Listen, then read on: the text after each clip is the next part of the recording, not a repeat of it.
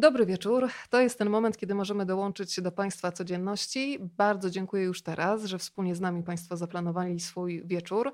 A w Rozmawiam, bo lubię chodzi o to, żeby podsycić apetyt na czytanie. I dzisiaj kolejna książka, która pozwoliła mi uruchomić taki wirtualny wehikuł czasu. Przeniosła mnie w czasie.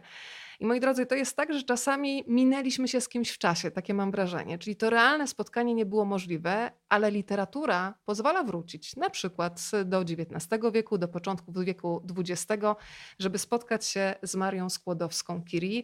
Ta książka dziś w centrum zainteresowania, a już teraz, drodzy Państwo, przenosimy się do Krakowa, gdzie czeka na Państwa Agnieszka Rasińska-Bubr. Dobry wieczór. Dobry wieczór Pani, dobry wieczór Państwu. To jest tłumaczka, dzięki której Państwo będą mieli dostęp do poszerzonej wersji biografii podwójnej noblistki, książki napisanej przez jej młodszą córkę Ewę. I może od razu od tego zaczniemy, Pani Agnieszko, żeby wyjaśnić, że po raz pierwszy książka, o której dziś będziemy mówić, w Polsce pojawiła się pod koniec lat 30. E, wydanie, które dzisiaj mam w rękach, to już jest wydanie 21 i czym się różnią? To jest naprawdę unikatowa wersja. O tym pisze też pan Sławomir Paszkiet, czyli dyrektor Muzeum Marii Skłodowskiej-Curie we wstępie do tej książki. No ale pani też jest świetnie poinformowana, bo przecież to pani ciężka praca spowodowała, że możemy jeszcze bardziej zaspokoić swoją ciekawość. Proszę opowiedzieć o tym. Historia tego wydania była taka. Otóż od bardzo wielu lat krążyła, krążyły opowieści o tym, że y, w momencie, kiedy ta książka, a była napisana po francusku, została przetłumaczona na język polski przez siostrzenicę Marii, y, Marii Curie Skłodowskiej, córkę jej siostry Heleny, y, to wówczas z powodów bliżej niewiadomych, być może z powodu ingerencji, e, ingerencji rodziny, być może z powodu w ogóle większej swobody, z jaką wówczas e, podchodzono do tłumaczenia. Ta książka została, mówiono wręcz ocenzurowana, ale w każdym razie chodziło o to, że ta wersja oryginalna nie, nie pokrywa się dokładnie z tłumaczeniem. I ponieważ ta wersja polska e, to ten polski przekład wyszedł pod koniec lat 30., czyli gdzieś mniej więcej 80 lat temu. W tym momencie wydawca postanowił ją wznowić właśnie i chodziło generalnie o to, żeby sprawdzić, czy rzeczywiście doszło do tych ingerencji, jaka też jest skala tych zmian między oryginałem a tym pierwotnym przekładem. I moja praca polegała właśnie na, y, na zestawieniu tych dwóch tekstów i ewentualnie uzupełnieniu tekstu o, y, o to, czego, co się w nim nie znalazło. Pani Agnieszko, tak jak powiedziałam, Pani jest w Krakowie, ja w Warszawie, a nasi słuchacze witają się z różnych miejsc w Polsce, ale widzę też, że na świecie. Jesteśmy na przykład w Leeds, jesteśmy też w Londynie e, u Piotra, jesteśmy w Chicago u Pani Małgosi. Bardzo się cieszę, proszę nam dać znać, bo my Państwa nie widzimy, ale każdy taki przesył dobrej energii tutaj jest mile widziany. Więc y, poproszę od razu o takie zameldowanie się podczas tego dzisiejszego spotkania poprzez te krótkie pozdrowienia i tradycyjnie można naszym spotkaniem się podzielić. Y, pod tymi okienkami, w których nas Państwo widzą, jest taki przycisk udostępnij. Wystarczy go nacisnąć i to spotkanie również pojawi się na Państwa facebookowej osi czasu. E, pani Agnieszko, to nie byłoby oczywiście też naszego spotkania, oczywiście bez Ewy Curie, ale nie byłoby też naszego spotkania bez y, przekładu pani Hanny Schillerowej, to powiedzmy, czym się różni jeszcze ta książka, bo pani powiedziała, jakie są rozbieżności, więc powiedzmy, czy te rozbieżności były duże, czy nie. I z punktu widzenia tłumacza, ale też czytelniczki, które odkrycia były najcenniejsze? Bo ja wiem, że tam była taka teczka, o, o dostęp do której dyrektor Muzeum Marii Skłodowskiej-Curie musiał trochę powalczyć. To trwało chyba około dwóch lat. Co było w tej tajemniczej teczce? W tej tajemniczej teczce, mówię od razu, były listy. Natomiast historia tych listów jest jakaś absolutnie fascynująca, tym bardziej, że jest, że cały czas w sumie jest owiana tajemnicą, także mo możemy tutaj we dwójkę zachęcić tych z Państwa, którzy nas słuchają, żeby przegrzebali strychy, a nuż ktoś znajdzie te listy, które tak, tak nieszczęśliwie zaginęły. Otóż po śmierci Marii Curie, która była, no, która była prawda, wielką gwiazdą już za życia, y, jej rodzina, konkretnie jej siostra e, Helena, czyli matka, matka tłumaczki e, Hanny Schillerowej, postanowiła wraz z resztą rodziny założyć muzeum poświęcone Marii Curie. E, cała korespondencja ówczesna z Marią Curie została przekazana do tego muzeum, które, prawda, Instatu Nascendi, czyli które dopiero było tworzone. Niestety pracę nad, nad tworzeniem tego muzeum przerwała II wojna światowa i listy zaginęły. Najprawdopodobniej mówi się, że spłonęły w powstaniu warszawskim. Bardzo, bardzo możliwe, że spłonęły, być może nie spłonęły. No generalnie od tego czasu uważane są za zaginione. I w, właściwie można było powiedzieć, że gdyby nie to, że Maria Curie swoje życie dzieliła między Polskę a, e, Polskę a Francję, to nigdy nie dowiedzielibyśmy się i nie ustalilibyśmy, co tak naprawdę w tych listach było. Ale okazało się, że na szczęście Ewa Curie, przygotowując się do, e, do pisania tej książki, przyjechała do Polski i wtedy zabrała te listy w odpisach, w maszynopisach. I te maszynopisy pojechały z nią do Francji. I maszynopisy się zachowały, czyli dzięki temu, dzięki temu mamy dostęp do tych listów archiwalnych. A z bardzo dziwnych względów tych listów, te listy częściowo nie znalazły się w przekładzie polskim tej książki. O te listy częściowo została ta książka uzupełniona. To powiedzmy trochę o tych dziwnych względach, bo tam można w zasadzie przypuszczać e, co do tego, dlaczego część z nich się nie znalazła. Jedna sprawa to jest na pewno to, że w listach pojawiały się nazwiska wówczas żyjących osób i po prostu nie chciano dotykać ich prywatności.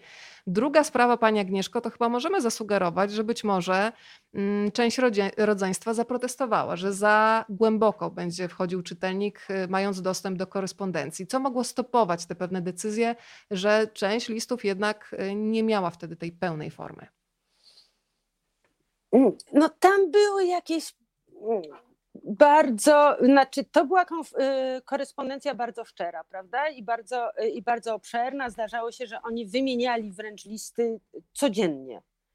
Czyli całe życie tej rodziny było przedstawione w, w bardzo, bardzo szczegółowo. Między innymi na przykład jakieś historie, o których, które nie są tam opowiedziane szczegółowo, ale, mm, ale znajduje się uwagi o tym, że Helena właściwie już, już miała wychodzić za mąż, po czym ten okropny człowiek ją porzucił, łamiąc serce nieszczęsnej istoty i tak dalej, i tak dalej. Być może no, Helena, która w momencie, której pewnie było wszystko jedno, y, o czym się, że, że o tym się dowie francuski czytelnik, w momencie, kiedy miałaby tą przykrą historię przypominać w Polsce, no, gdzie cały czas żyła, funkcjonowała, miała e, innego męża, prawda, może czuła się, może z tym właśnie czuła się niezręcznie. Szerszy jest też opis właśnie tej pierwszej miłości e, Marii Curie, która też okazała się nieszczęśliwą, bo, mm, e, bo rodzice niedoszłego narzeczonego prze, zaprotestowali bardzo ostro przeciwko jego małżeństwu z guwernantką. No i dlatego nic, y, nic z tego nie wyszło. Więc bardzo być może, że te właśnie bardzo osobiste historie sprawiły, że rodzina postanowiła tutaj e, ingerować w treść tych listów i trochę tę listę okroić.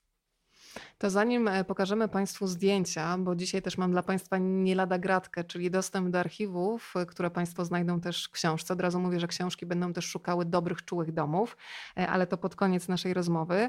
To porozmawiajmy trochę o Ewie, czyli o młodszej córce podwójnej noblistki.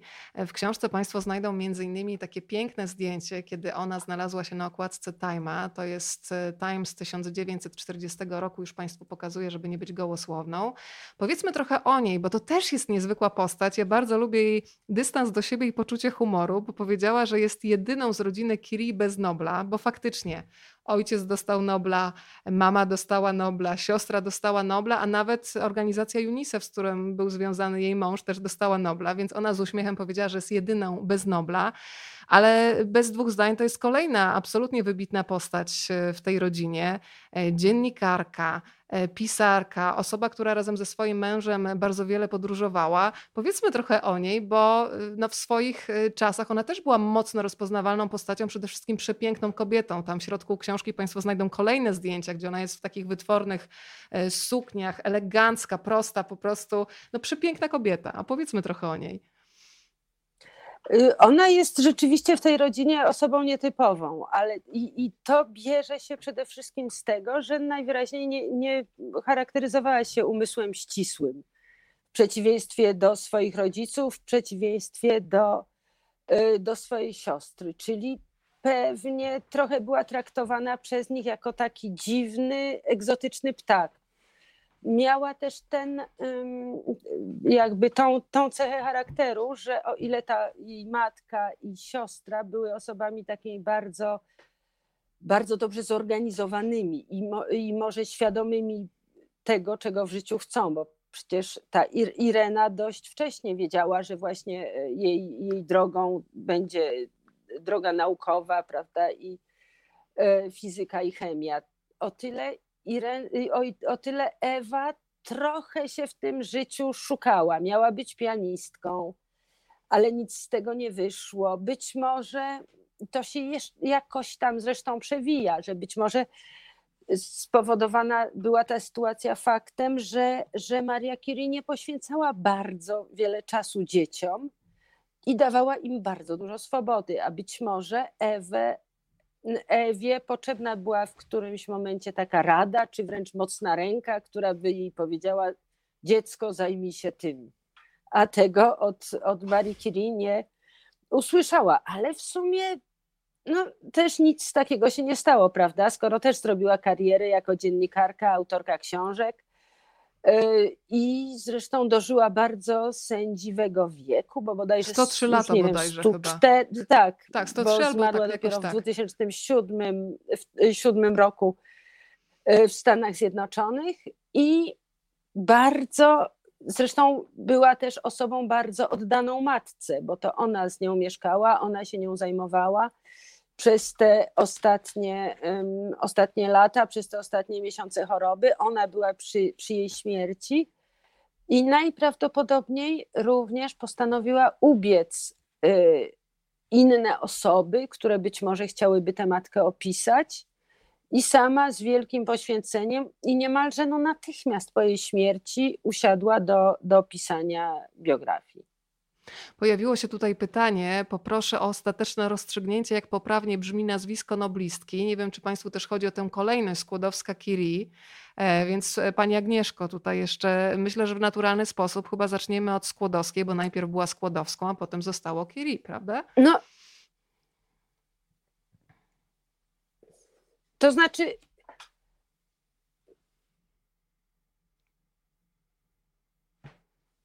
To jest kwestia, to jest kwestia języków, po prostu y, zwyczajów. Po prostu w Polsce przyjmujemy, że nazwisko męża y, dochodzi jako drugie nazwisko po nazwisku panieńskim. We Francji jest po prostu odwrotnie, czyli to nazwisko męża wyprzedza nazwisko panieńskie. Tak jest, taki jest uzus, taki jest zwyczaj, więc jest całkowicie normalne to, że, że właśnie po, po, Francuzi mówią inaczej niż Polacy, o tak. No i wszystko jest teraz jasne. To ja muszę zapytać panią, pani Agnieszko, jeszcze o to, mm, jak pani to odczuwała? Bo ja e, przyznam szczerze, że kiedy czytałam tę powieść biograficzną, to pomyślałam sobie, że w niej jest bardzo dużo takiej czułości i ciepła w stosunku do matki. A przecież znamy historię wielu ludzi, dzieci znanych rodziców, które miały w sobie gdzieś jakiś taki żal, że jednak dostały trochę może mniej miłości od rodziców, ponieważ no niemożliwością jest siedzieć non-stop prawie w laboratorium i robić e, doświadczenia i jednocześnie siedzieć e, cały czas z dziećmi. Natomiast e, w tym opisie Ewy Curie ja nie odnotowałam ani nutki żalu w zasadzie, tylko taką lojalność wobec matki i całe morze miłości. Tak bym to nazwała, więc zastanawiam się, jaki był Pani odbiór podczas lektury.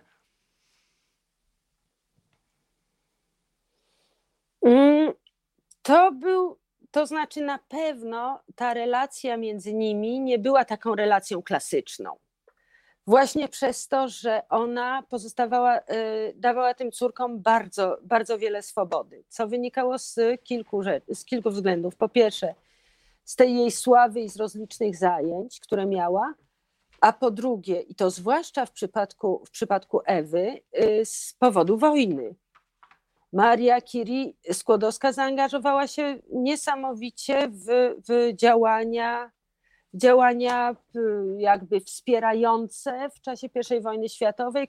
Y, konkretnie jeździła i zapewniała y, aparaty rentgenowskie na, na froncie. A te córki na początku zostały uwięzione, powiedzmy odcięte na samym początku wojny, już będąc na wakacjach w Brytanii, gdzie Maria Curie była w Paryżu i ta Ewa wtedy zaledwie 10 lat. Czyli ona się może czuć bardzo niepewna, a Maria wtedy pisze listy do nich, że tam muszą być dzielne, a do Ireny apeluje, że to musi być podporą dla tej młodszej córki, ale trochę pisze dla nich, do nich niemalże jak, jak do dorosłych, podczas gdy ta Ewa w tym momencie wcale dorosła nie jest. Mam fragmenty listów, ale, Pani no, jest Agnieszko. traktowana jakby była Dokładnie teraz od, e, otworzyłam książkę na tych fragmentach listów z tego momentu. Przypomnę Państwu mhm. jeszcze, mhm. nie to, żebym była taka mądra, bo patrzę cały czas do książki, że odkrycie promieni rentgena już w roku 1895 odkrycie promieni rentgena pozwoliło prześwietlać ciało ludzkie, wydatną pomoc niosąc chirurgii, ale Francja jeszcze w 1914 roku ma bardzo niewiele aparatów rentgenowskich i bardzo niewielu rentgenologów. Zaledwie kilka największych wojskowych ośrodków sanitarnych zaopatrzono na wypadek wojny w ten luksus. I potem mamy tę całą opowieść, którą już rozpoczęła pani Agnieszka.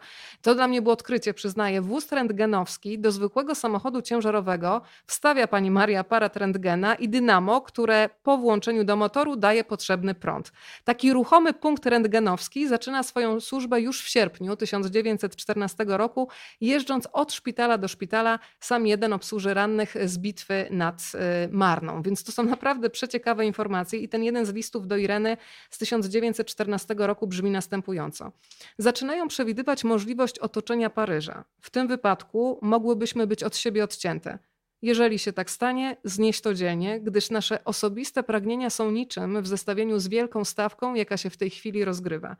Musisz wziąć na siebie odpowiedzialność za siostrę i czuwać nad nią, o ile będziemy rozłączone na dłużej niż przewiduje. I potem kolejny list, który się kończy zdaniem: Pamiętaj, że jesteś starszą siostrą, czas byłby wziąć tę rolę na serio. Więc faktycznie, tak jak pani mówiła, pani Agnieszko, list do dziecka, który jest listem jak do dorosłej osoby. Y,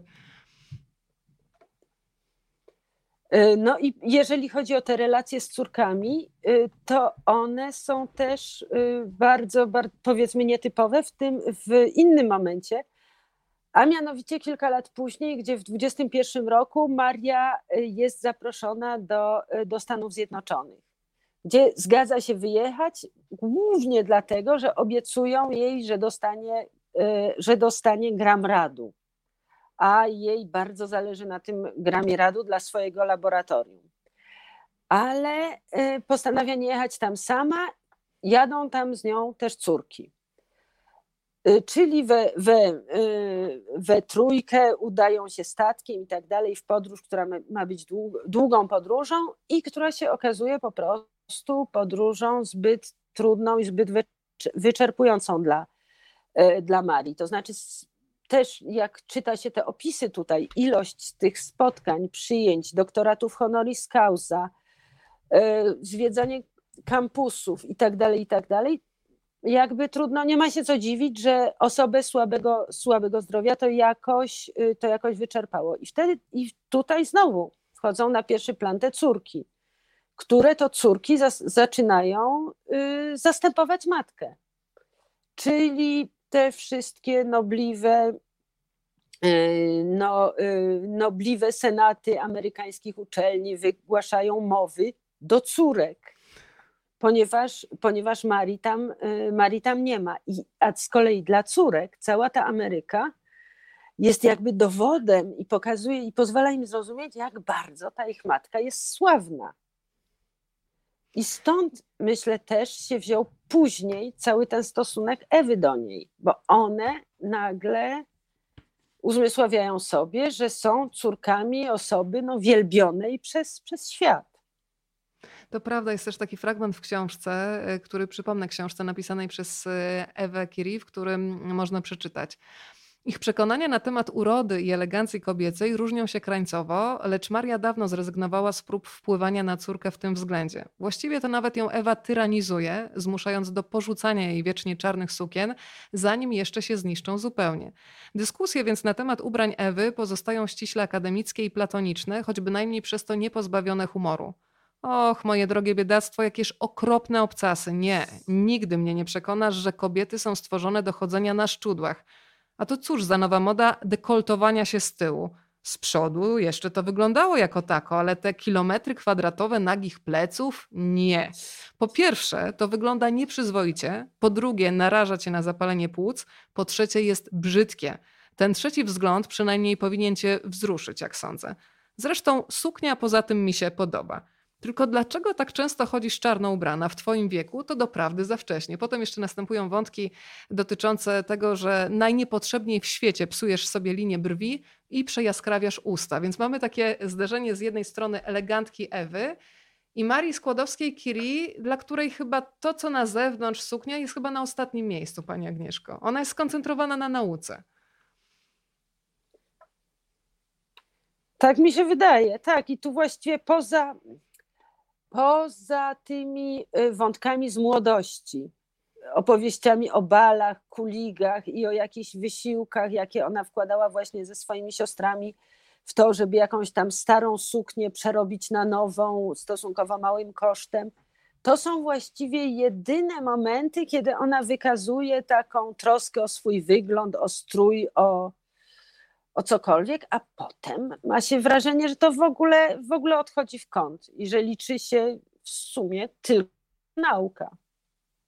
To prześledźmy te wszystkie etapy mm, w życiu Marii Skłodowskiej-Curie. Zacznijmy od portretu rodzinnego.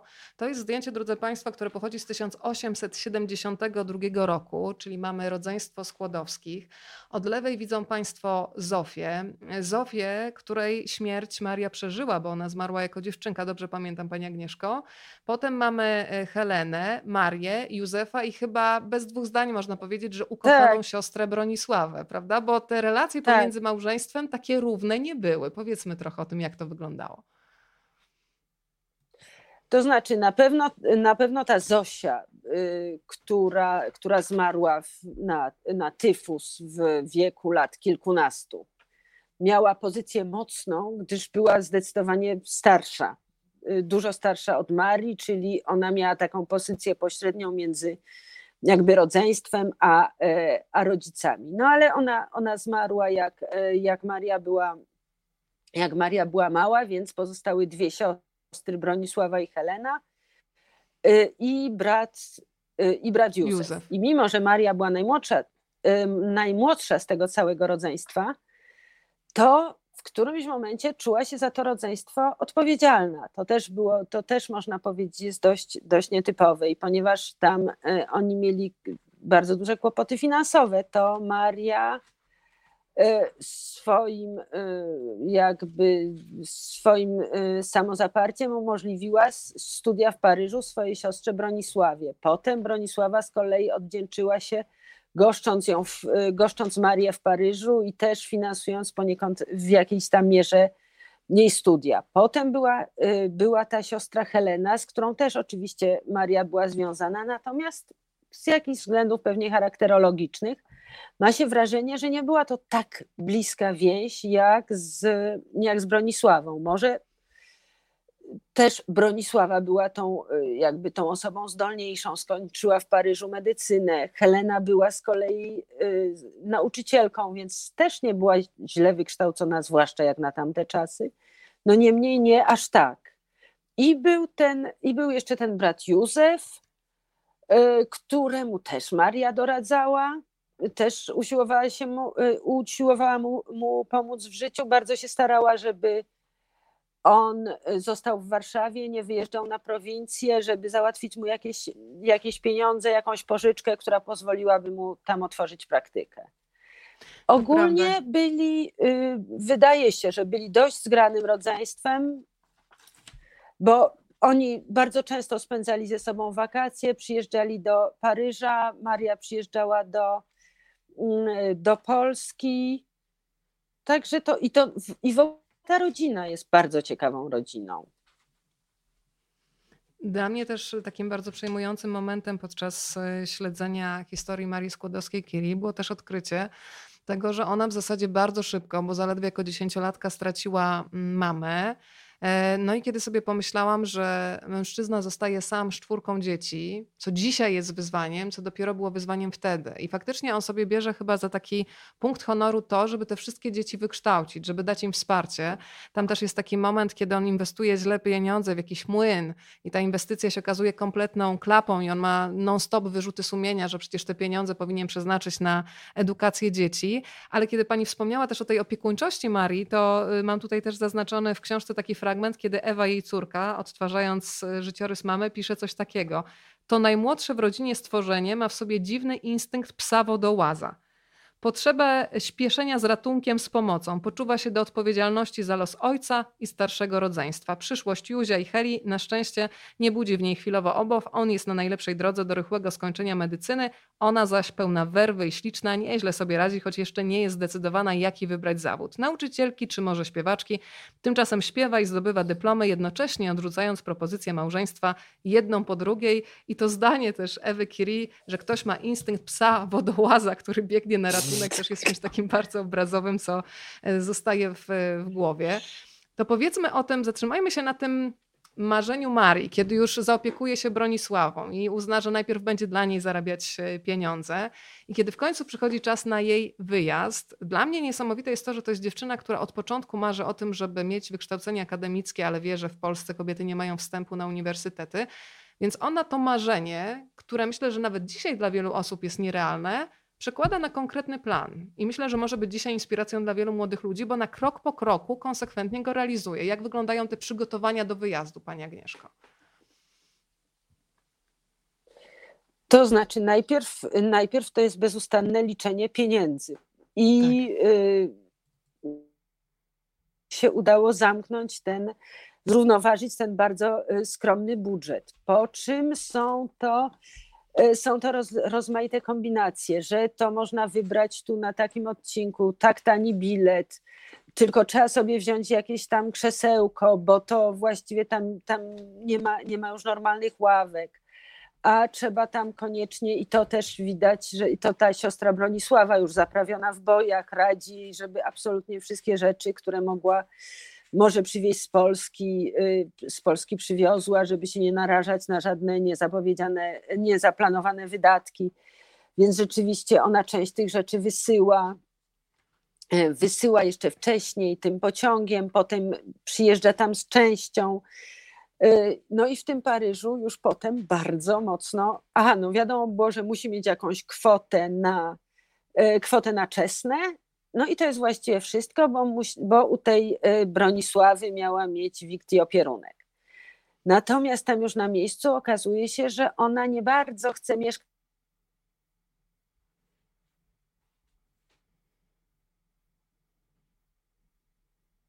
I teraz ja mam pytanie do jakie, Państwa. Czy... Jakie tam kwitnie, a ona chce się tej nauce poświęcić absolutnie całkowicie.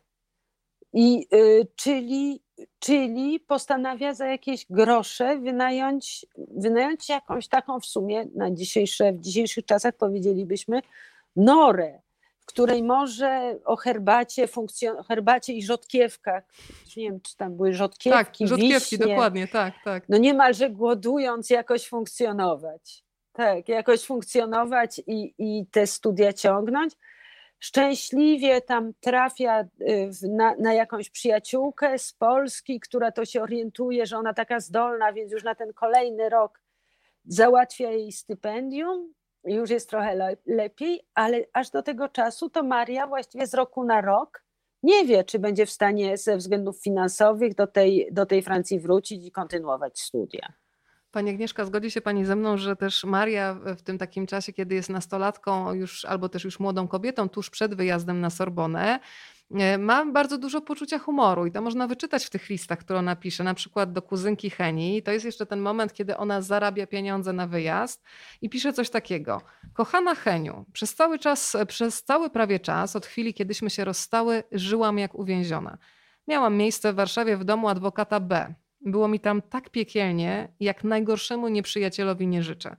Nasze stosunki z panią B stały się w końcu tak lodowate, że nie mogłam wytrzymać i powiedziałam jej to a że ona była mną zupełnie tak samo zachwycona jak ja nią, więc zrozumiałyśmy się doskonale. Wyobrażam sobie, co ona teraz na mnie wygaduje, bo języczek ma taki, że archaniołowi by życie zatruła, a cóż mnie, która tak dalece do anielstwa pretensyi nie mam. E, więc nawet taki dystans, autoironia i potem jest też ten list i tutaj bym poprosiła o historię związaną z takim pierwszym zawodem miłosnym, e, kiedy to mm, Maria jest u państwa Rzet, to jest w pierwszej wersji książki skrót, a teraz się dowiadujemy, że to byli państwo żurawscy. Mm, no i tam jest taki fragment. Gdy jestem absolutnie niezdatna do produkcyjnego czytania, przerabiam algebraiczne i trygonometryczne zadania, bo te nie dopuszczają kompromisów z uwagą i wytrzeźwiają mnie. Coś dla mnie kompletnie odległego, bo to jest dla mnie czarna magia. Biedna Bronia pisze z Paryża, że ma kłopoty z egzaminami, dużo się uczy, a jej zdrowie napawa niepokojem. Plany moje dalsze są żadne, albo jeżeli chcesz zbyt proste i banalne, by o nich mówić, warto było. Belfrować, póki się da, a jak się już nie da, to puścić świat kantem i mała szkoda, krótki żal będzie po mnie, jak po tylu innych. Są to jedyne moje plany obecne. Niektórzy ludzie utrzymują jednak naiwnie, że mimo to muszę przejść przez rodzaj gorączki zwanej zakochaniem. Ta absolutnie nie wchodzi w moje zamiary. Jeśli zaś dawniej miałam inne, to poszły z dymem. Pogrzebano, pochowano, przypieczętowano i zapomniano. Bo jak ci wiadomo, mur zawsze mocniejszy od głowy która go przebić pragnie. I dla mnie to też jest dowód na to, jak świetnym literackim stylem się posługiwała Maria. Zresztą w którymś z listów jest chyba taki fragment, w którym ona mówi, że literaturą też się interesowała, ale trzeba było wybrać te zdolności największe, w którym kierunku ją prowadziły. Jak było z tą odrzuconą miłością, pani Agnieszko? Bo tam chyba pojawiło się takie mało ładne hasło, że rodzice się sprzeciwili chłopca, że z guwernantką ślub, tak? To znaczy z odrzuconą, z odrzuconą miłością było tak, że w, w, y, właśnie ma to związek z tym, o czym mówiłyśmy przed chwilą, czyli z tym, z tą potrzebą gromadzenia pieniędzy, z myślą o studiach. Z tym, że y, Maria wymyśliła i zawarła pakt właśnie z tą swoją siostrą Bronisławą, że najpierw finansują jej studia, a potem y, przyjdzie kolej na nią jako na tą młodszą. I żeby za, Początkowo wydawało jej się, że może udzielać korepetycji w Warszawie, co, byłoby mniej, co było mniej uciążliwe, nie zmieniała środowiska, mogła jeszcze jakoś trochę żyć swoim dawnym życiem. Niemniej okazało się, że tak tym sposobem wiele nie zaoszczędzi. A naprawdę mogła, y, mogła zaoszczędzić, przyjmując posadę guwernantki na, y, no, po prostu na wsi.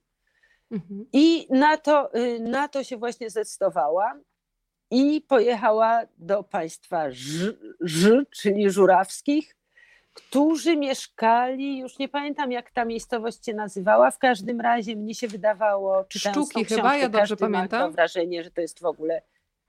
Jakiś koniec świata, prawda? Tak, tak, tak mi się wydaje, tak, w Szczukach, tak. Tak, tymczasem jest to gdzieś mniej więcej 100 kilometrów od Warszawy bo, y, bo, z ciekawości, bo z ciekawości to sprawdzałam. Cóż z tego, jak jechało się tam cały dzień.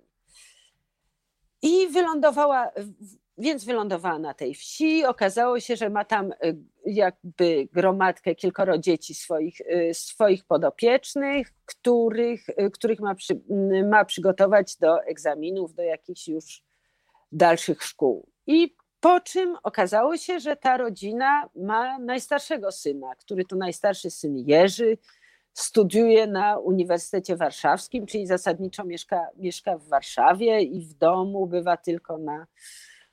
No, i natomiast no, Maria była tam zdecydowanie osobą, y, osobą młodą, czyli w podobnym, w podobnym wieku do niego. Była osobą inteligentną, świetnie tańczyła, co wiemy z, y, z, innych, z innych listów i w ogóle tak no nie, nie, a czy nie stroniła od zabawy, to zależało od tam okoliczności, ale y, plus była bardzo wysportowana, co było jeszcze bardzo nietypowe jak na, e, jak na pannę tamtej epoce, czyli jeździła na łyżwach. Na rowerze. E, I tak, tak, i no, uprawiała i na rowerze potem, nie wiem czy to już, nie wiem właściwie kiedy to się zaczęło, ale tak, potem rower stał się jej pasją. No i jakoś przypadli sobie, przypadli sobie do gustu. Te, y, rodzice tego, nazwijmy to y, narzeczonego, bardzo też, bardzo też Marię lubili, wobec czego ci młodzi właściwie nie widzieli tutaj żadnych przeszkód i sądzili, że ta miłość dalej będzie rozkwitać, pobiorą się i tak dalej. Niemniej jednak ku zdumieniu, ku zdumieniu właściwie e, tych młodych, rodzice postawili absolutne weto. I tu padło jakieś zdanie, takie zdanie, które strasznie, strasznie uraziło Marię, że nikt nie żeni się z guwernantką. E, co było jeszcze dodatkowo absurdalne, bo e, guwernantką, dawną guwernantką była matka tego Jerzego, czyli ta chlebodawczyni, chlebodawczyni mhm. Marii. Więc tak. być y, y, tak, i matka, matka Kazimierza. I no i tutaj Maria jeszcze przez jakiś czas liczyła, że ten Kazimierz się jakoś może wyrwie spod tej kurateli, jakoś się może, powiedzielibyśmy dzisiejszym językiem, postawi. Zawalczy o nią. Ale ja jakoś nic takiego nie, nic takiego nie nastąpiło. I y, w pewnym, i, no i powinniśmy się cieszyć zresztą, tak w sumie, bo y, ona coraz, znaczy ona y, była na tej wsi przez, ja już nie wiem, 4 lata, 6 lat, no strasznie długo. I, y, I w każdym razie w którymś momencie Bronia do niej napisała, że to właśnie już jest już ten moment, kiedy ona powinna przyjechać na studia do Paryża. I ona, która na tej wsi już nudziła się potwornie, miała świadomość, że się marnuje, że marnuje talent, nagle się waha. Waha się właśnie ze względu na tego Jerzego.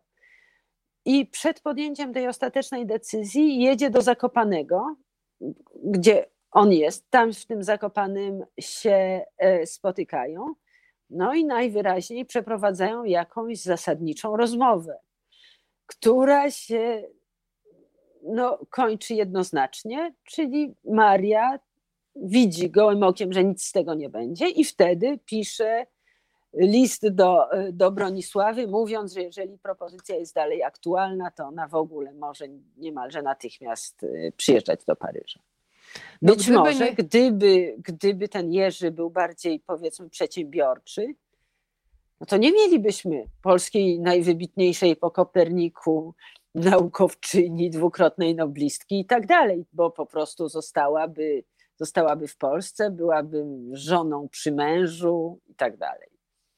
Na pewno, gdyby nie ta decydująca rozmowa, nie mogłabym Państwu pokazać zdjęcia, które teraz chcę Państwu pokazać i już to robię. To jest zdjęcie ze ślubu państwa Curie, czyli przenosimy się w czasie do roku 1895. Proszę zobaczyć.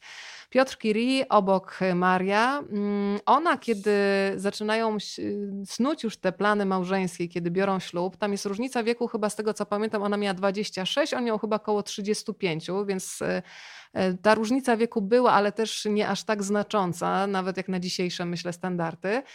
Mm, powiedzmy trochę o, o, o tym ich spotkaniu, bo mm, tutaj mam wrażenie, że taką osobą, która wykonała dużo większą pracę w zdobyciu tego związku, był zdecydowanie Piotr, który nawet zaczął się potem już, kiedy już byli małżeństwem, uczyć też języka polskiego i był gotowy chyba na wszystkie warianty, nawet żeby gdzieś tam za Marią jechać.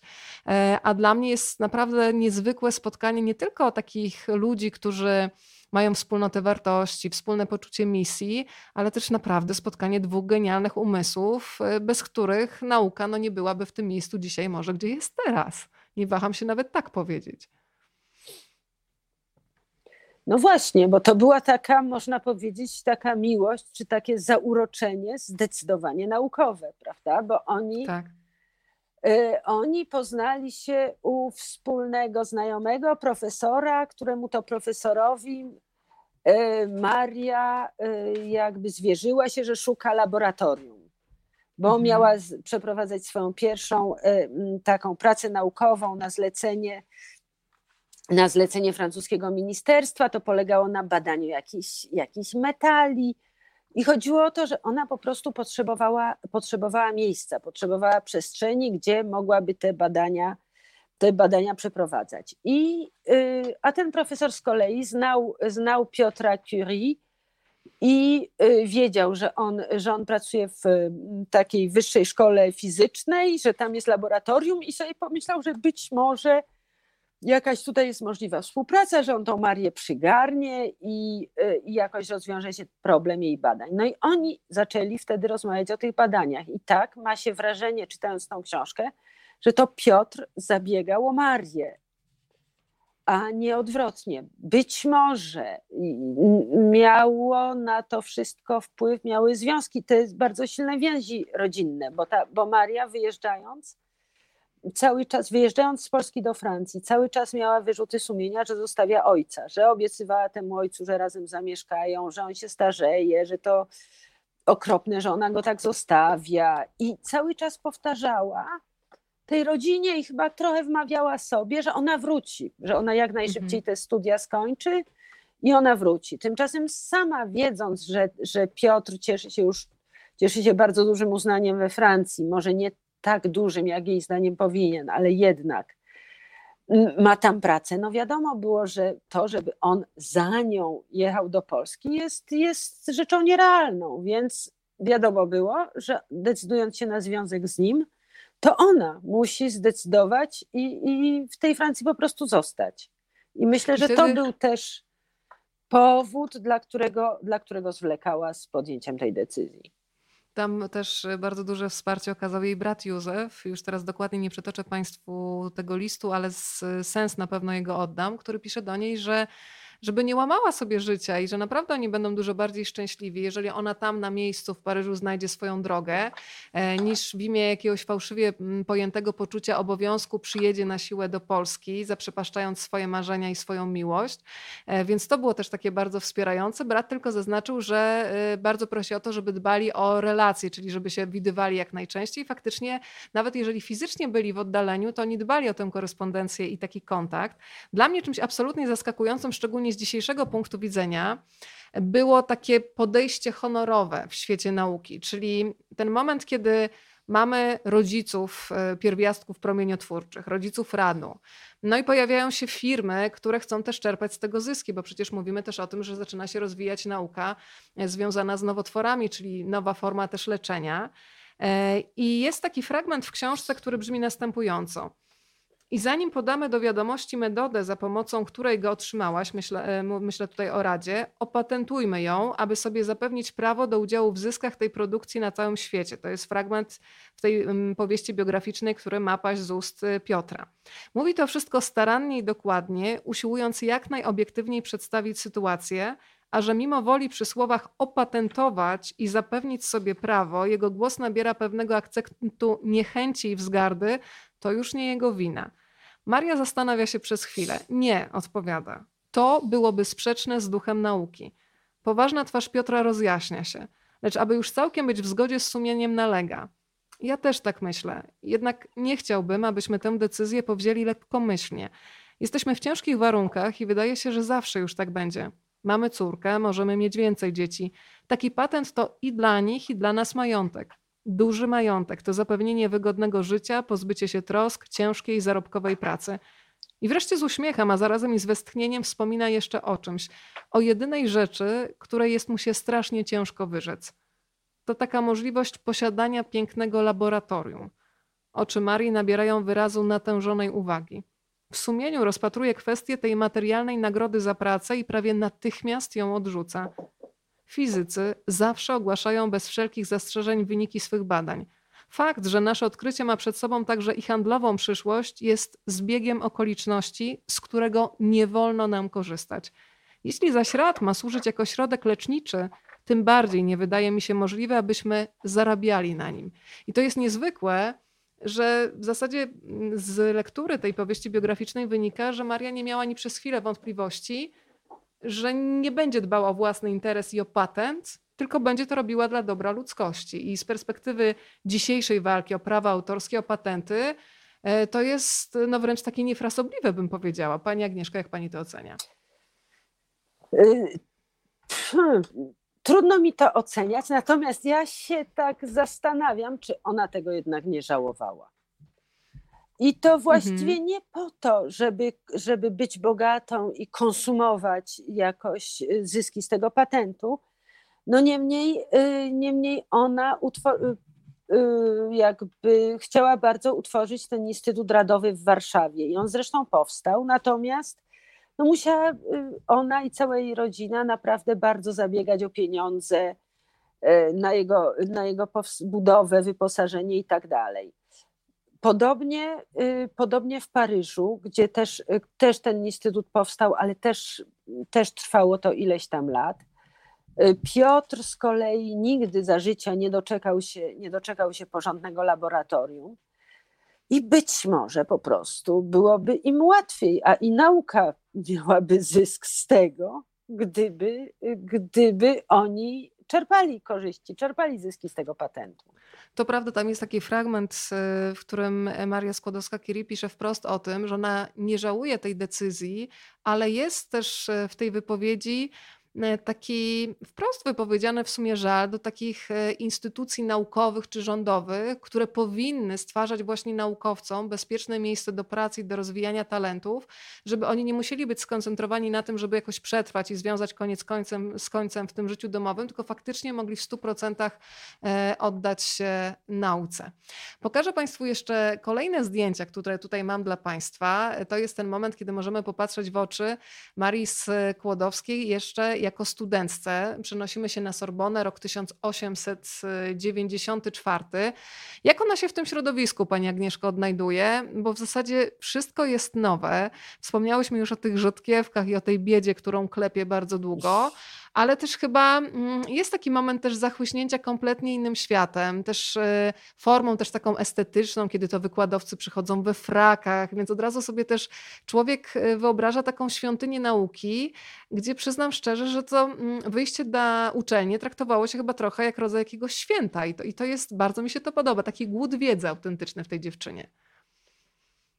To głód wiedzy zdecydowanie, ale mnie z kolei jeszcze bardziej y, y, uderzył głód wolności. To znaczy, ona przyjeżdża do Paryża i zdecydowanie czuje, że to jest wolny kraj. I tak. to, jest, y, to jest jej, to znaczy ta wolność jest pewnie dwojaka. Jest to wolność, prawda, polityczna, podczas gdy Polska była pod zaborami, wolność słowa i tak dalej. Jest to pewnie też wolność jej jako osoby od wszelkich zobowiązań bo o rodzinę może się martwić, prawda, pisząc listy, ale to już chyba jest taka bardziej odległa troska niż, niż te wszystkie mieszkając w Warszawie. No i potem rzeczywiście jej wielka fascynacja tymi profesorami, autorytetami, wiedzą.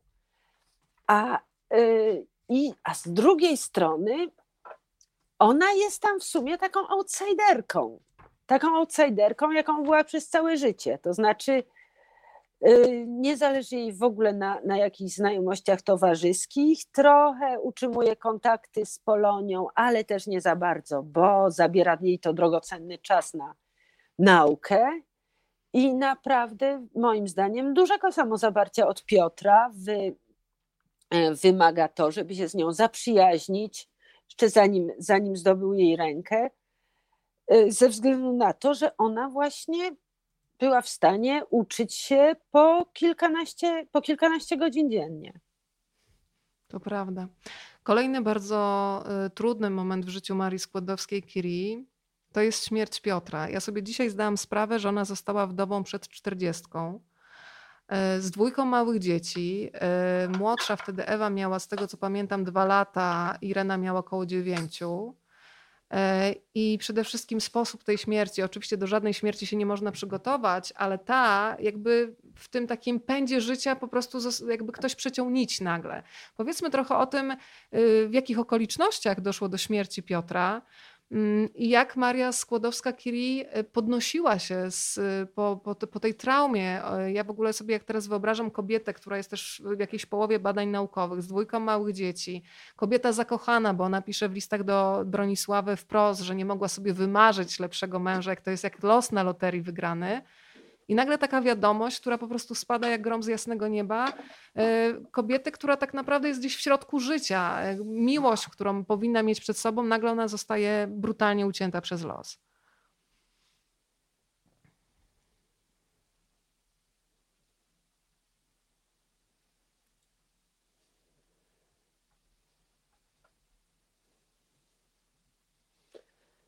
No więc okoliczności, okoliczności tej śmierci rzeczywiście były tragiczne, mm, aczkolwiek, y, aczkolwiek nie, było to, nie były też do końca zaskakujące, bo Piotr, y, Piotr po prostu się zamyślił.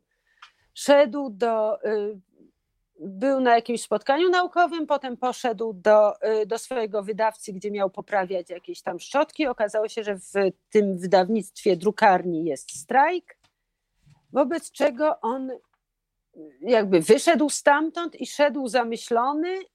Jakoś, powiedzmy, był, było dużo ludzi na chodniku, on jakoś niezgrabnie z tego chodnika zszedł, nie widząc wozu, który, ciężkiego wozu konnego, który zjeżdżał z mostu i właśnie niestety został przez, e, przez ten wóz konny przejechany, no poniósł śmierć na miejscu. Tam się od razu zrobił, zrobił ruch, ponieważ ponieważ uczelnia była, Sorbona była niedaleko, to natychmiast ktoś go rozpoznał, ktoś pobiegł, przyszli jego koledzy, czyli dość szybko wszyscy się zorientowali, że to jest, e, no, że to jest światowej, światowej sławy naukowiec. Woźnica był kompletnie, kompletnie załamany, mimo że akurat nie była to zupełnie jej wina, e, znaczy jego wina. I, i co? Rektor uniwersytetu pojechał jakby poinformować rodzinę, zastał tam w domu, zastał w domu y, teścia Marii, czyli ojca Piotra, który, y, który wtedy z, który z nimi mieszkał. I ten ojciec, dlatego mówię, że, że to wszystko, co się stało, było tragiczne, ale nie było, y, nie było zaskakujące, bo ten ojciec właściwie na samą, widząc, widząc tego, tego profesora, który zmierza do niego z, no, z, z grobową miną, od razu wiedział, że, że to jego syn zginął i że zginął dlatego, przez to, że się, e, no, że się w sumie zamyślił, że o czymś myślał. I tutaj z innych z kolei źródeł, y, z innych książek, w jakiejś innej książce biograficznej przeczytałam, że dla Marii ta tragedia była jeszcze tym większa, że ona miała świadomość, że w momencie, kiedy widzieli się rano, on się spieszył, ona się spieszyła i ona do niego powiedziała, on ją o coś zapytał, a ona na to odpowiedziała, a nie zawracaj mi głowy. I on wtedy wyszedł. I to były ostatnie słowa jej wypowiedziane do niego. No i potem tak, ona y, po tej, y, po tej tragicznej śmierci, ona moim zdaniem opada w depresję po prostu. Y, co bardzo długo się nie może, y, się nie może otrząsnąć. I myślę, że tym, co jej, co jej w, sumie, mm, w sumie pomaga, jest samo zaparcie ich bliskiego kręgu przyjaciół. No bo w tym momencie pada pytanie, kto obejmie katedrę, y, katedrę po Piotrze. I ktoś w końcu mówi, że to powinna być ona. Ona tą katedrę obejmuje, zaczyna, wygłasza swój pierwszy wykład dokładnie od momentu, kiedy Piotr zakończył te wykłady i pewnie znowu ta nauka pozwala jej y, się no, odbić i wyjść z tego, z tego strasznego stanu. To Państwo jeszcze pozwolą, że przytoczę fragmenty dzienników, które znajdą Państwo w biografii Marii Skłodowskiej-Curie, bardzo przejmujące, które powstały po śmierci Piotra. Piotrze, mój Piotrze, Leżysz tu spokojnie z obandażowaną głową, jak nieszczęśliwy ranny, który śpiąc odpoczywa. Masz twarz łagodną i pogodną, to wciąż ty jesteś, zatopiony w marzeniu, z którego nie możesz się wyrwać. Usta twe, które nazywałam niegdyś łakomymi, blade są i bezbarwne.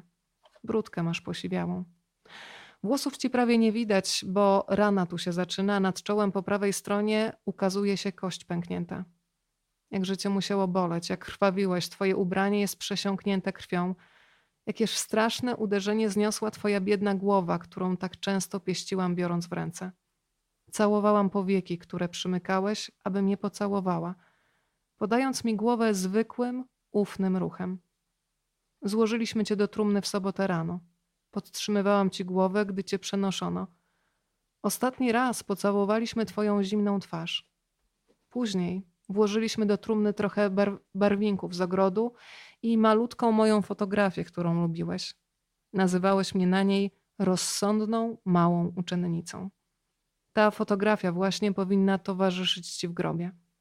Fotografia tej, co miała szczęście podobać ci się na tyle, żebyś nie zawahał się jej zaproponować, aby dzieliła twe życie, chociaż zaledwie parę razy ją widziałeś.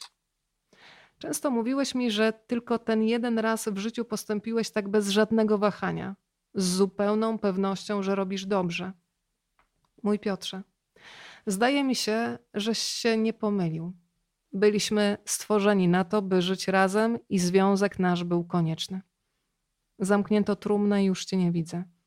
Nie pozwalam jej zakryć tą okropną czarną szmatą. Okrywam ją kwiatami i siadam koło niej.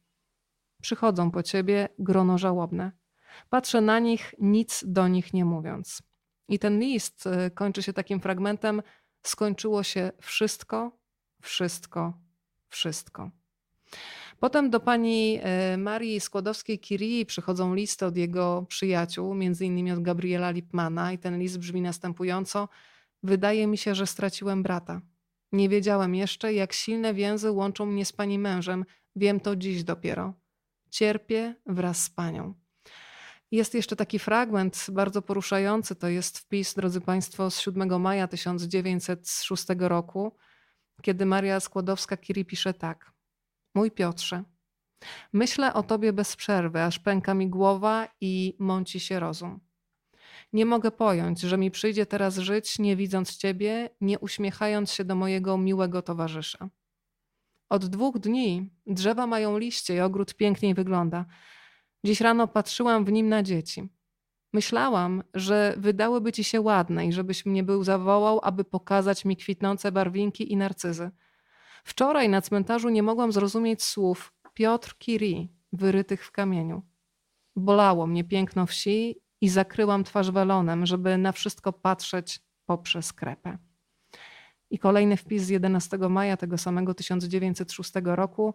Piotrze, wstałam po nocy dość dobrze przespanej, stosunkowo spokojnej. To było zaledwie kwadrans temu. A teraz oto znowu chciałabym wyć jak dzikie zwierzę. I to są takie fragmenty, y, które pokazują też, y, jak bardzo mocno przeżywa to rozstanie Maria Curie-Skłodowska i też te momenty chwilowego wyciszenia, ale znowu takiego wręcz y, zwierzęcego bólu, po którym, jak pisała wprost, chce się żyć. Ale szczególnie ten pierwszy fragment, Pani Agnieszko, Fragment, w którym jest tak dużo czułości. Kiedy to widzimy, ja od razu, kiedy go czytałam, miałam po prostu przed oczami zakochanych kobietę i mężczyznę. Szczególnie ta ufność, kiedy ktoś całuje czyjeś powieki.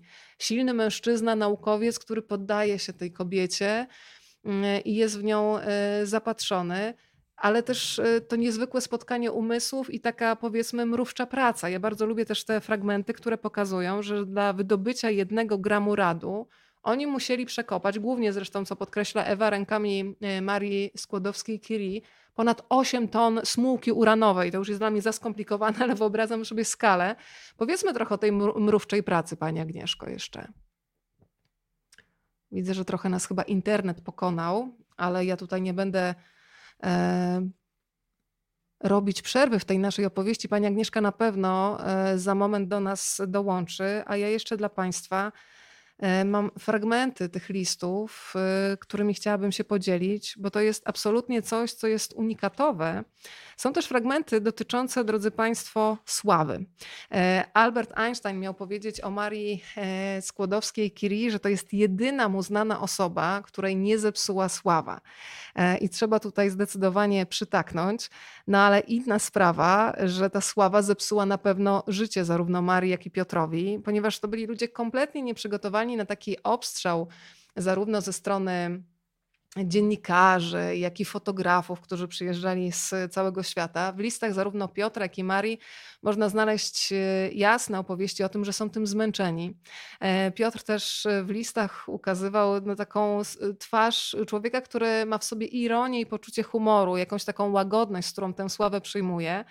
Ale pisze między innymi o zagraniach dziennikarzy, którzy piszą o jego relacjach dziecki, dziecka, rozmowy z niańką i opisują nawet jego kota w biało-czarne łaty, e, więc e, to wszystko bywa absurdalne, ale jakoś z tą sławą muszą sobie radzić. Pani Agnieszko, pani wróciła do nas? Słyszymy się, pani Agnieszko?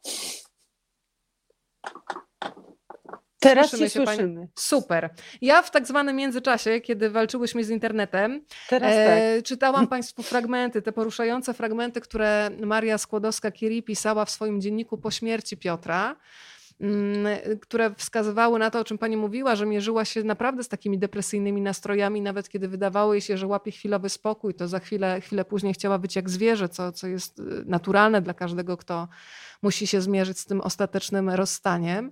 I później w tej naszej opowieści przeszłam jeszcze do tego etapu, kiedy przychodzi sława. E, powiedzmy, że mm, dzisiaj mąż mi podrzucił, więc polecam też Państwu. Na stronie, e, na oficjalnej stronie Nagrody Nobla można znaleźć archiwalia, gdzie znajdą Państwo takie króciutkie filmy, gdzie można zobaczyć e, Marię Curie, no i od razu widać w jej spojrzeniu w obiektyw, że ona nie znosiła takich y, panów, którzy przyjeżdżali z kamerami i nagrywali krótkie reportaże. Marzyła o tym, żeby w spokoju pracować. Jak ona się odnosiła do tej sławy, bo to się wiązało z ogromnym rozproszeniem. Ona nie mogła pracować.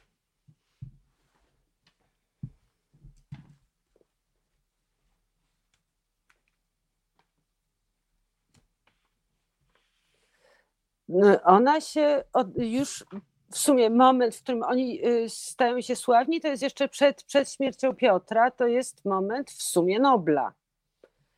Y, I w tym momencie ich życie jest kompletnie, y, ulega no kompletnemu jakby prze, przewróceniu, prawda? To jest coś, no może oni to też postrzegają jak, jak katastrofę.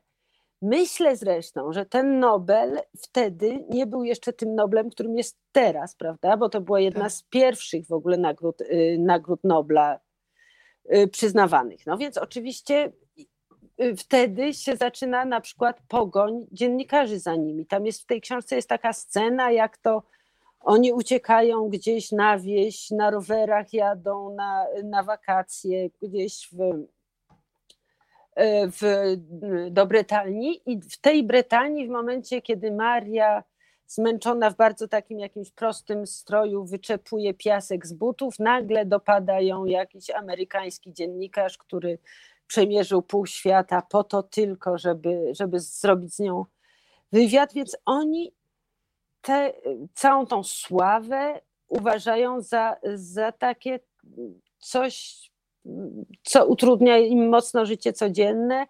Trochę się z tego też śmieją. Piotr śmieje się, że dziennikarze posunęli się nawet do e, robienia wywiadów z nianią, z tak. nianią Ireny. Tak bardzo chcieli się dowiedzieć czegokolwiek na ich temat. Oni zresztą bardzo, bardzo strzegą e, swojego prywatnego życia i nie chcą, nie chcą w ogóle odpowiadać na pytania niezwiązane, z, niezwiązane ściśle z nauką. Natomiast ta sława ma też jakieś pozytywne, mm, pozytywne aspekty, myślę, a mianowicie bardzo jadą, w końcu jadą po bardzo długim czasie odebrać tego Nobla do Szwecji. I tu są zdumieni, są wakacje, ale ci yy, wobec czego, ponieważ no nie, od, nie odbierają go w grudniu, tak jak powinni byli, tylko dopiero w czerwcu. I, yy, i tutaj spotykają się ze szwedzkimi naukowcami, którzy, yy, którzy organizują im też taki tour po, po Szwecji, ale raczej mogą zobaczyć przyrodę i tak dalej, i traktują to jako jakieś cudowne wakacje. Lubią się spotykać z naukowcami ale utrzymują zresztą ta korespondencja, której w tej książce nie ma, ale zachowała się w archiwach. Oni korespondują no w ogóle z całym naukowym światem ówczesnym. I widać y, z wielką taką cierpliwością Piotr Curie odpowiada na pytania dotyczące, dotyczące ich prac naukowych. Czyli to są kontakty, które oni bardzo, bardzo cenią, a które poniekąd też zawdzięczają tej, y, tej swojej sławie. Pani Agnieszko, pada pytanie, czy dziennik był pisany po polsku czy po francusku, bo dzieliłam się tym dziennikiem po śmierci e, Piotra Curie. E, faktycznie to ciekawe, czy, czy noblistka pisała ten język w swoim ojczystym języku, gdzie myślę sobie, że jednak cały czas o emocjach najłatwiej mówić w tym swoim pierwszym języku, czy, czy, czy to był dziennik już, który był potem tłumaczony do książki z francuskiego? Wie Pani o tym, jak to było? E, dziennik, z tego co pamiętam, był, był tłumaczony z francuskiego. E, to znaczy, właśnie to jest też, to jest oczywiście ciekawy wątek tych rozmaitych tłumaczeń. E, myślę, że ona pisała go po francusku, bo z nim rozmawiała po francusku, czyli to był ich język, język tej mhm. relacji, więc pisała po, pisała po francusku. I teraz Czyli w tej, w tej książce oryginalnie po polsku napisane, były pisane listy, korespondencja z rodziną, znaczy z rodziną polską. I bo już na przykład y, listy wymieniane z córkami były pisane po francusku. One korespondowały po francusku. Zdarzają się, z tego co widziałam w ogóle, listy Ireny pisane po polsku, ale to były raczej takie listy, żeby, się, żeby pokazać, jak to się ładnie nauczyła pisać i, i żeby zrobić mamusi przyjemność, ale nie był to naturalny język tych kontaktów. Dla Czyli dziennik bardzo... był pisany po francusku. Dla mnie też bardzo cenne jest to, że mm, Maria Curie zadbała o to, żeby córki mówiły po polsku. Można znaleźć nagrania archiwalne w polskim radiu, gdzie można usłyszeć głos Ewy Curie i ona pięknie e, mówiła po polsku, więc to też jest e, E, tutaj ogromny ukłon w stronę Marii Skłodowskiej-Curie, że zadbała o to, bo to wcale przecież nie musiało być oczywiste. Tutaj akurat mamy zdjęcie z 1908 roku. Maria Curie z córkami, czyli mamy młodszą Ewę tutaj na stołeczku i starszą Irenę. Wrócę jeszcze Pani Agnieszko na chwilę do tych wątków sławy, bo znalazłam jeszcze dwa listy, których wcześniej Państwu nie cytowałam z 1904 roku, kiedy to Piotr pisze do przyjaciół. Jak pan mógł zauważyć, los jest w tej chwili dla nas łaskaw, ale ta jego łaska nie obywa się bez wielu kłopotów. Nigdy nie byliśmy bardziej pozbawieni spokoju. Bywają dni, kiedy nie mamy czasu wytchnąć, a tak marzyliśmy o tym, żeby żyć z dala od świata jak od ludki. I drugi list proszą nas o artykuły i odczyty, a za kilka lat ci sami, którzy dziś o to nas proszą, dziwić się będą, żeśmy niczego nie dokonali. To powiedzmy jeszcze o tej pracy, i o tym marzeniu, o którym już tutaj między wierszami wspomniałyśmy, o tym marzeniu o laboratorium, do którego już zresztą Piotr e, nie doczekał, to była mrówcza, codzienna praca. E, oni podobno potrafili z laboratorium wrócić do domu, chwilę się zająć dziećmi i jednak gdzieś w środku nocy stwierdzić, że jednak wracają, prawda?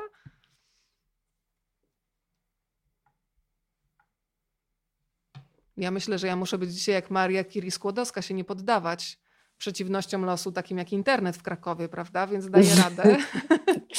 Więc po, po, wróćmy, Pani Agnieszko, już mnie teraz Nie, no pani no możesz, słyszy. Tak. Tak, to powiedzmy o tak, tym. Teraz już słyszę. Tak, tak. I, I pytanie, jak wyglądała tak. ta mrówcza praca, tak. Y, mrówcza praca wyglądała, znaczy to co, jest, to, co jest właściwie szokujące, to są straszne warunki, w jakich oni pracowali. To prawda. Y, wiadomo było, że, y, że te prace, które oni prowadzą, są pracami szalenie, szalenie istotnymi. To znaczy, Piotr generalnie zajmował się kryształami, Maria w którymś momencie musiała, się, y, musiała wybrać temat swojego doktoratu y, i w, zainteresowały ją, ją wtedy prace Henri'ego Becquerela i dlatego postanowiła właśnie tym się zająć i tak odkryła promieniotwórczość. Natomiast y, do tego doktoratu i w ogóle postanowili się skupić nad wyodrębnieniem radu. I to wyodrębnianie radu było jakąś szalenie ciężką pracą w ogóle fizyczną. Laboratorium, które w końcu dostali przy tej szkole wyższej fizycznej, o której przedtem wspominałam, laboratorium właściwie nazywali szopą. Było tam strasznie zimno. Y, są tam fragmenty też y, zapisków Marii, które świadczą o tym, że notowała temperaturę i że na przykład mogło to być 6 stopni Celsjusza. I oni w tych, y, w, tak, w, tej, w tych fatalnych warunkach pracowali od świtu, od świtu do nocy, a Maria jeszcze wykonywała bardzo ciężką pracę fizyczną, bo w jakichś gigantycznych kotłach mieszała ziemię, z której, y, z której wyodrębniała jakieś odpady po wydobyciu rudy uranowej po to, żeby, żeby uzyskać ten czysty rad. Więc w, no jeszcze dzieje się to we Francji, a oni nie jedzą obiadu o ustalonej godzinie 12, tylko jedzą byle co. Nieraz za, zadawalają się nawet herbatą z jakąś, z jakąś kanapką. No, no coś w ogóle niebywałego i, i Francuzi nie, nie, nie są w stanie przy, E, jakby przyjąć tego do wiadomości, czyli pracują od świtu do nocy i nieraz zdarza się nawet, że tam jest taka scena właśnie jak oni odkrywają ten, udaje, udaje im się wyodrębnić ten rad, okazuje się, że, że rad świeci, wobec czego oni jeszcze czasami, oni wracają do domu na kolację i nieraz jest taka historia, jak to po tej kolacji jeszcze wracają z powrotem do tego E, do tego laboratorium, żeby nacieszyć wzrok tym świecącym radem. Taka Jedyny... noc e, robaczków świętojańskich, prawda? Tak, tak, tak, trochę tak. Jedynie y, korzystają z wakacji. W czasie wakacji tak, wyjeżdżają z Paryża na wieś, bliżej, dalej, w zależności tam od stanu zdrowia, y, od stanu zdrowia Piotra.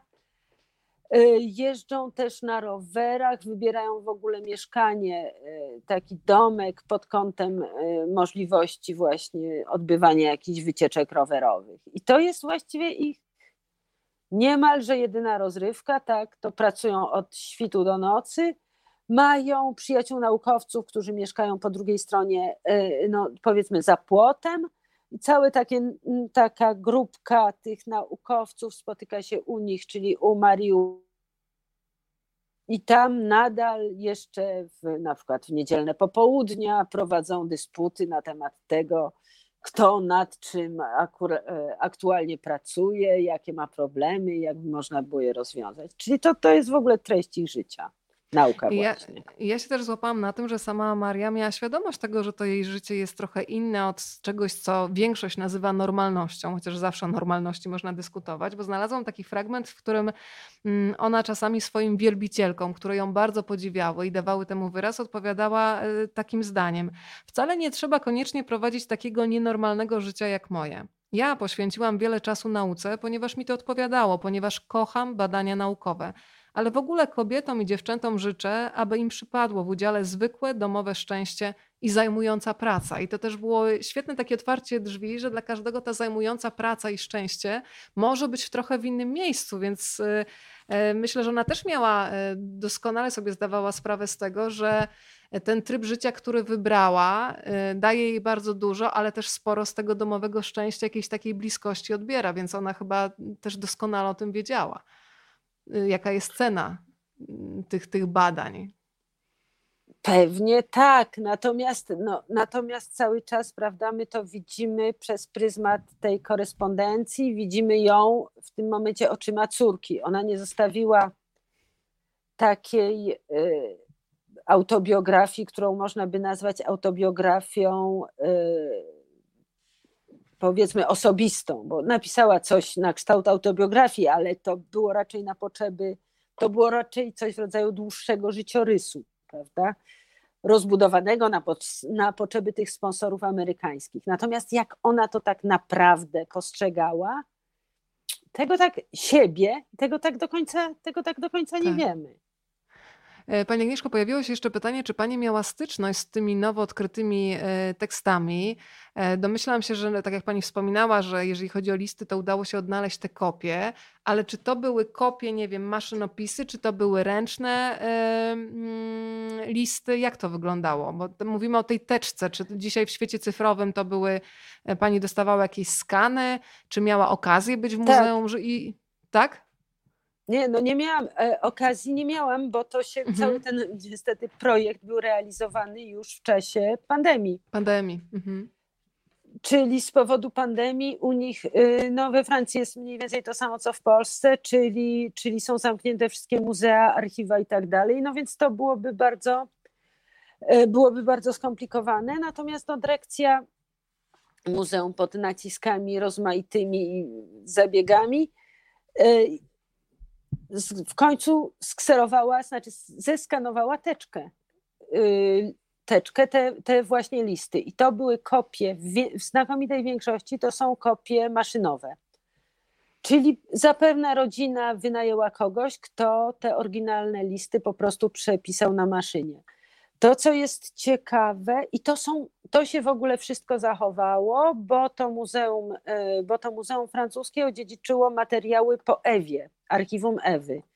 I część archiwum Ewy to, to było właśnie archiwum związane z tą książką, czyli wszystkie materiały do, do książki, których ona nie zniszczyła. I to, co było ciekawe, to właśnie, że na tych maszynopisach e, ona zaznaczała, no najwyraźniej ona zaznaczała jakieś tam fragmenty i te fragmenty potem znalazły się, znalazły się w tej książce. Więc jest tam taki, to nie jest taki jakby suchy maszynopis, ale jest, są ślady też pracy na, na tym ma, maszynopisie.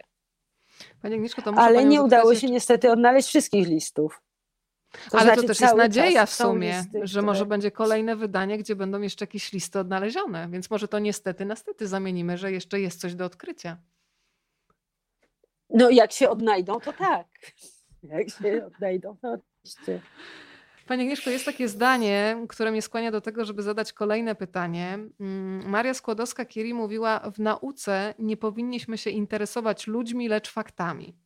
I teraz sobie tak pomyślałam, że ona by chyba nie była zachwycona tym, że tak mocno śledzimy jej życie prywatne, no ale taki jest zawsze problem z sytuacjami, kiedy e, dajemy do druku czyjąś korespondencję, chociaż to jest zawsze najciekawsze, bo dzięki temu ja się przyznaję szczerze, zawsze podziwiałam Marię Skłodowską-Curie, ale stawiałam ją na pomniku i to jest taka pozycja, kiedy się patrzy na kogoś z oddalenia i z podziwem, ale nie czuję się takiej emocjonalnej więzi. Po tej książce ja mam wrażenie, że mogłam podejść do człowieka i odnaleźć w jej historii zarówno jakieś swoje obawy, tęsknoty, mm, problemy, z którymi się borykam jako kobieta, chociaż y, akurat dziedzina naukowa, którą się ona zajmowała, jest dla mnie kompletnie niezrozumiała. I tutaj też muszę zapytać Pani Agnieszko, jak wygląda sytuacja przy okazji pracy nad tą książką, ale też innymi kiedy pojawiają się jakieś takie zagadnienia dla tłumacza, które nie są dla niego codziennością, czy jest jakiś taki podwójny checking, tak to nazwijmy, czyli ktoś, kto jeszcze z naukowego świata, tutaj mamy fizykę i chemię e, i takie zagadnienia, których no, moja humanistyczna głowa nie ogarnia, mówię to wprost. Więc jak to jest przy pracy tłumacza? To trochę teraz przejdźmy na Pani warsztat codzienny. Przy tej książce, ale też przy innych projektach, w których Pani uczestniczyła.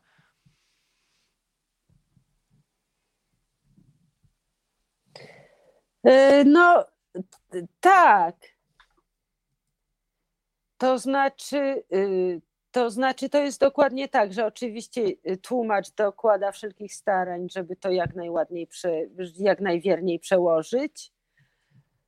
Normalnie też, też tłumacz sam się stara znaleźć jakiś, jakiś specjalistów z tej dziedziny i dać, mu to, dać im to coś do, do przeczytania, ten wątpliwy fragment.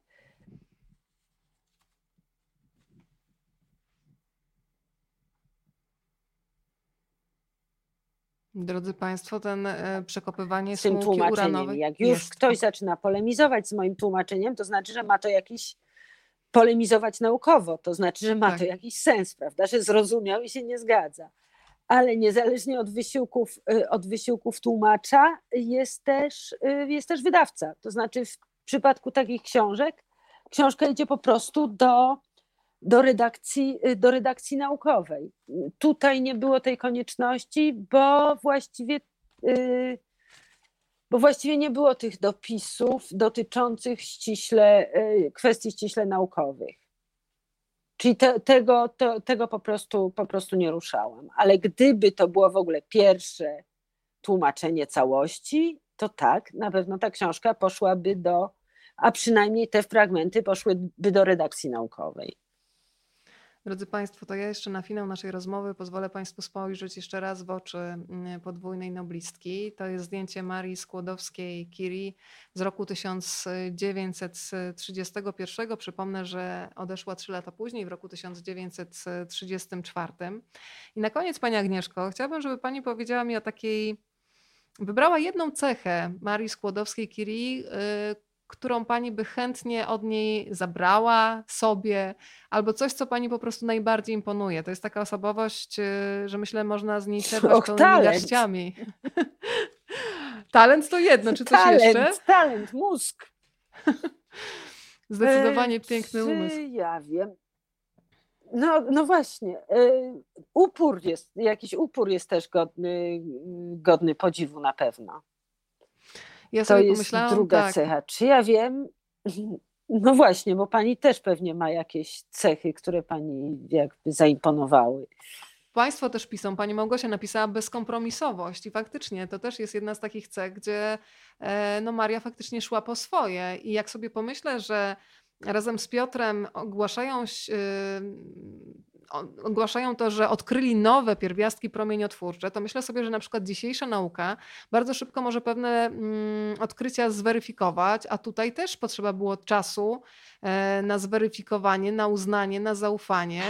E, ogromna odwaga, najpierw intuicja, potem intuicja, za którą szły kolejne lata na udowodnienie pewnych tez. Więc dla mnie też y, chyba najbardziej mi imponuje, ale też tak motywuje do działania, że kiedy sobie myślę o jakichś takich planach, które dzisiaj mi się wydają nierealne, to myślę sobie pomyśl o Marii w XIX wieku, jaką drogę ona przebyła. Bo dla mnie jest niezwykłe to, że ona marzenie o Sorbonie, dziewczynki gdzieś z Warszawy, która nie ma nawet pieniędzy na studiowanie, przełożyła na bardzo precyzyjny plan i ona krok po kroku, milimetr po milimetrze go zrealizowała. I to myślę, że sama nie przypuszczała, że zostanie laureatką. Szkoda tylko, że jej ojciec, gdyby pożył dwa lata dłużej, to byłby świadkiem tego też wielkiego triumfu, chociaż i tak już e, widział, jakie sukcesy odnosi na studiach, więc Tak. może akurat ten ostatni taki akord nie był aż tak istotny. Natomiast dla mnie ta, ta, ta, to, to jest ten moment marzenia, które się przekłada na plan, coś absolutnie imponującego. Tutaj Państwo piszą wytrwałość, upór i umiejętność realizowania swoich zamierzeń. To Pani Agnieszko, czy Pani jeszcze doda jakąś cechę? To jest nasz upór dzisiaj z internetem. Ale walczymy jak, y, tak jak Maria przy przebieraniu tej smułki uranowej, kilku ton, żeby ten gram y, radu wydobyć. To drodzy Państwo, ja y, zamknę nasze dzisiejsze spotkanie listem Marii do Ireny i do jej męża Fryderyka. To jest list z 1928 roku, kiedy to Maria pisze tak. Drogie moje dzieci, przesyłam Wam życzenia dobrego nowego roku. To znaczy roku dobrego zdrowia, dobrego humoru i dobrej pracy. Roku, w którym każdego dnia będziecie odczuwali radość życia, nie czekając na to, żeby się on stał miły dopiero we wspomnieniach, ani też nie odkładając na przyszłość nadziei na to, że Wam będzie dobrze. Im bardziej się człowiek starzeje, tym mocniej czuje, że umiejętność cieszenia się chwilą bieżącą jest cennym darem, podobnym do stanu łaski.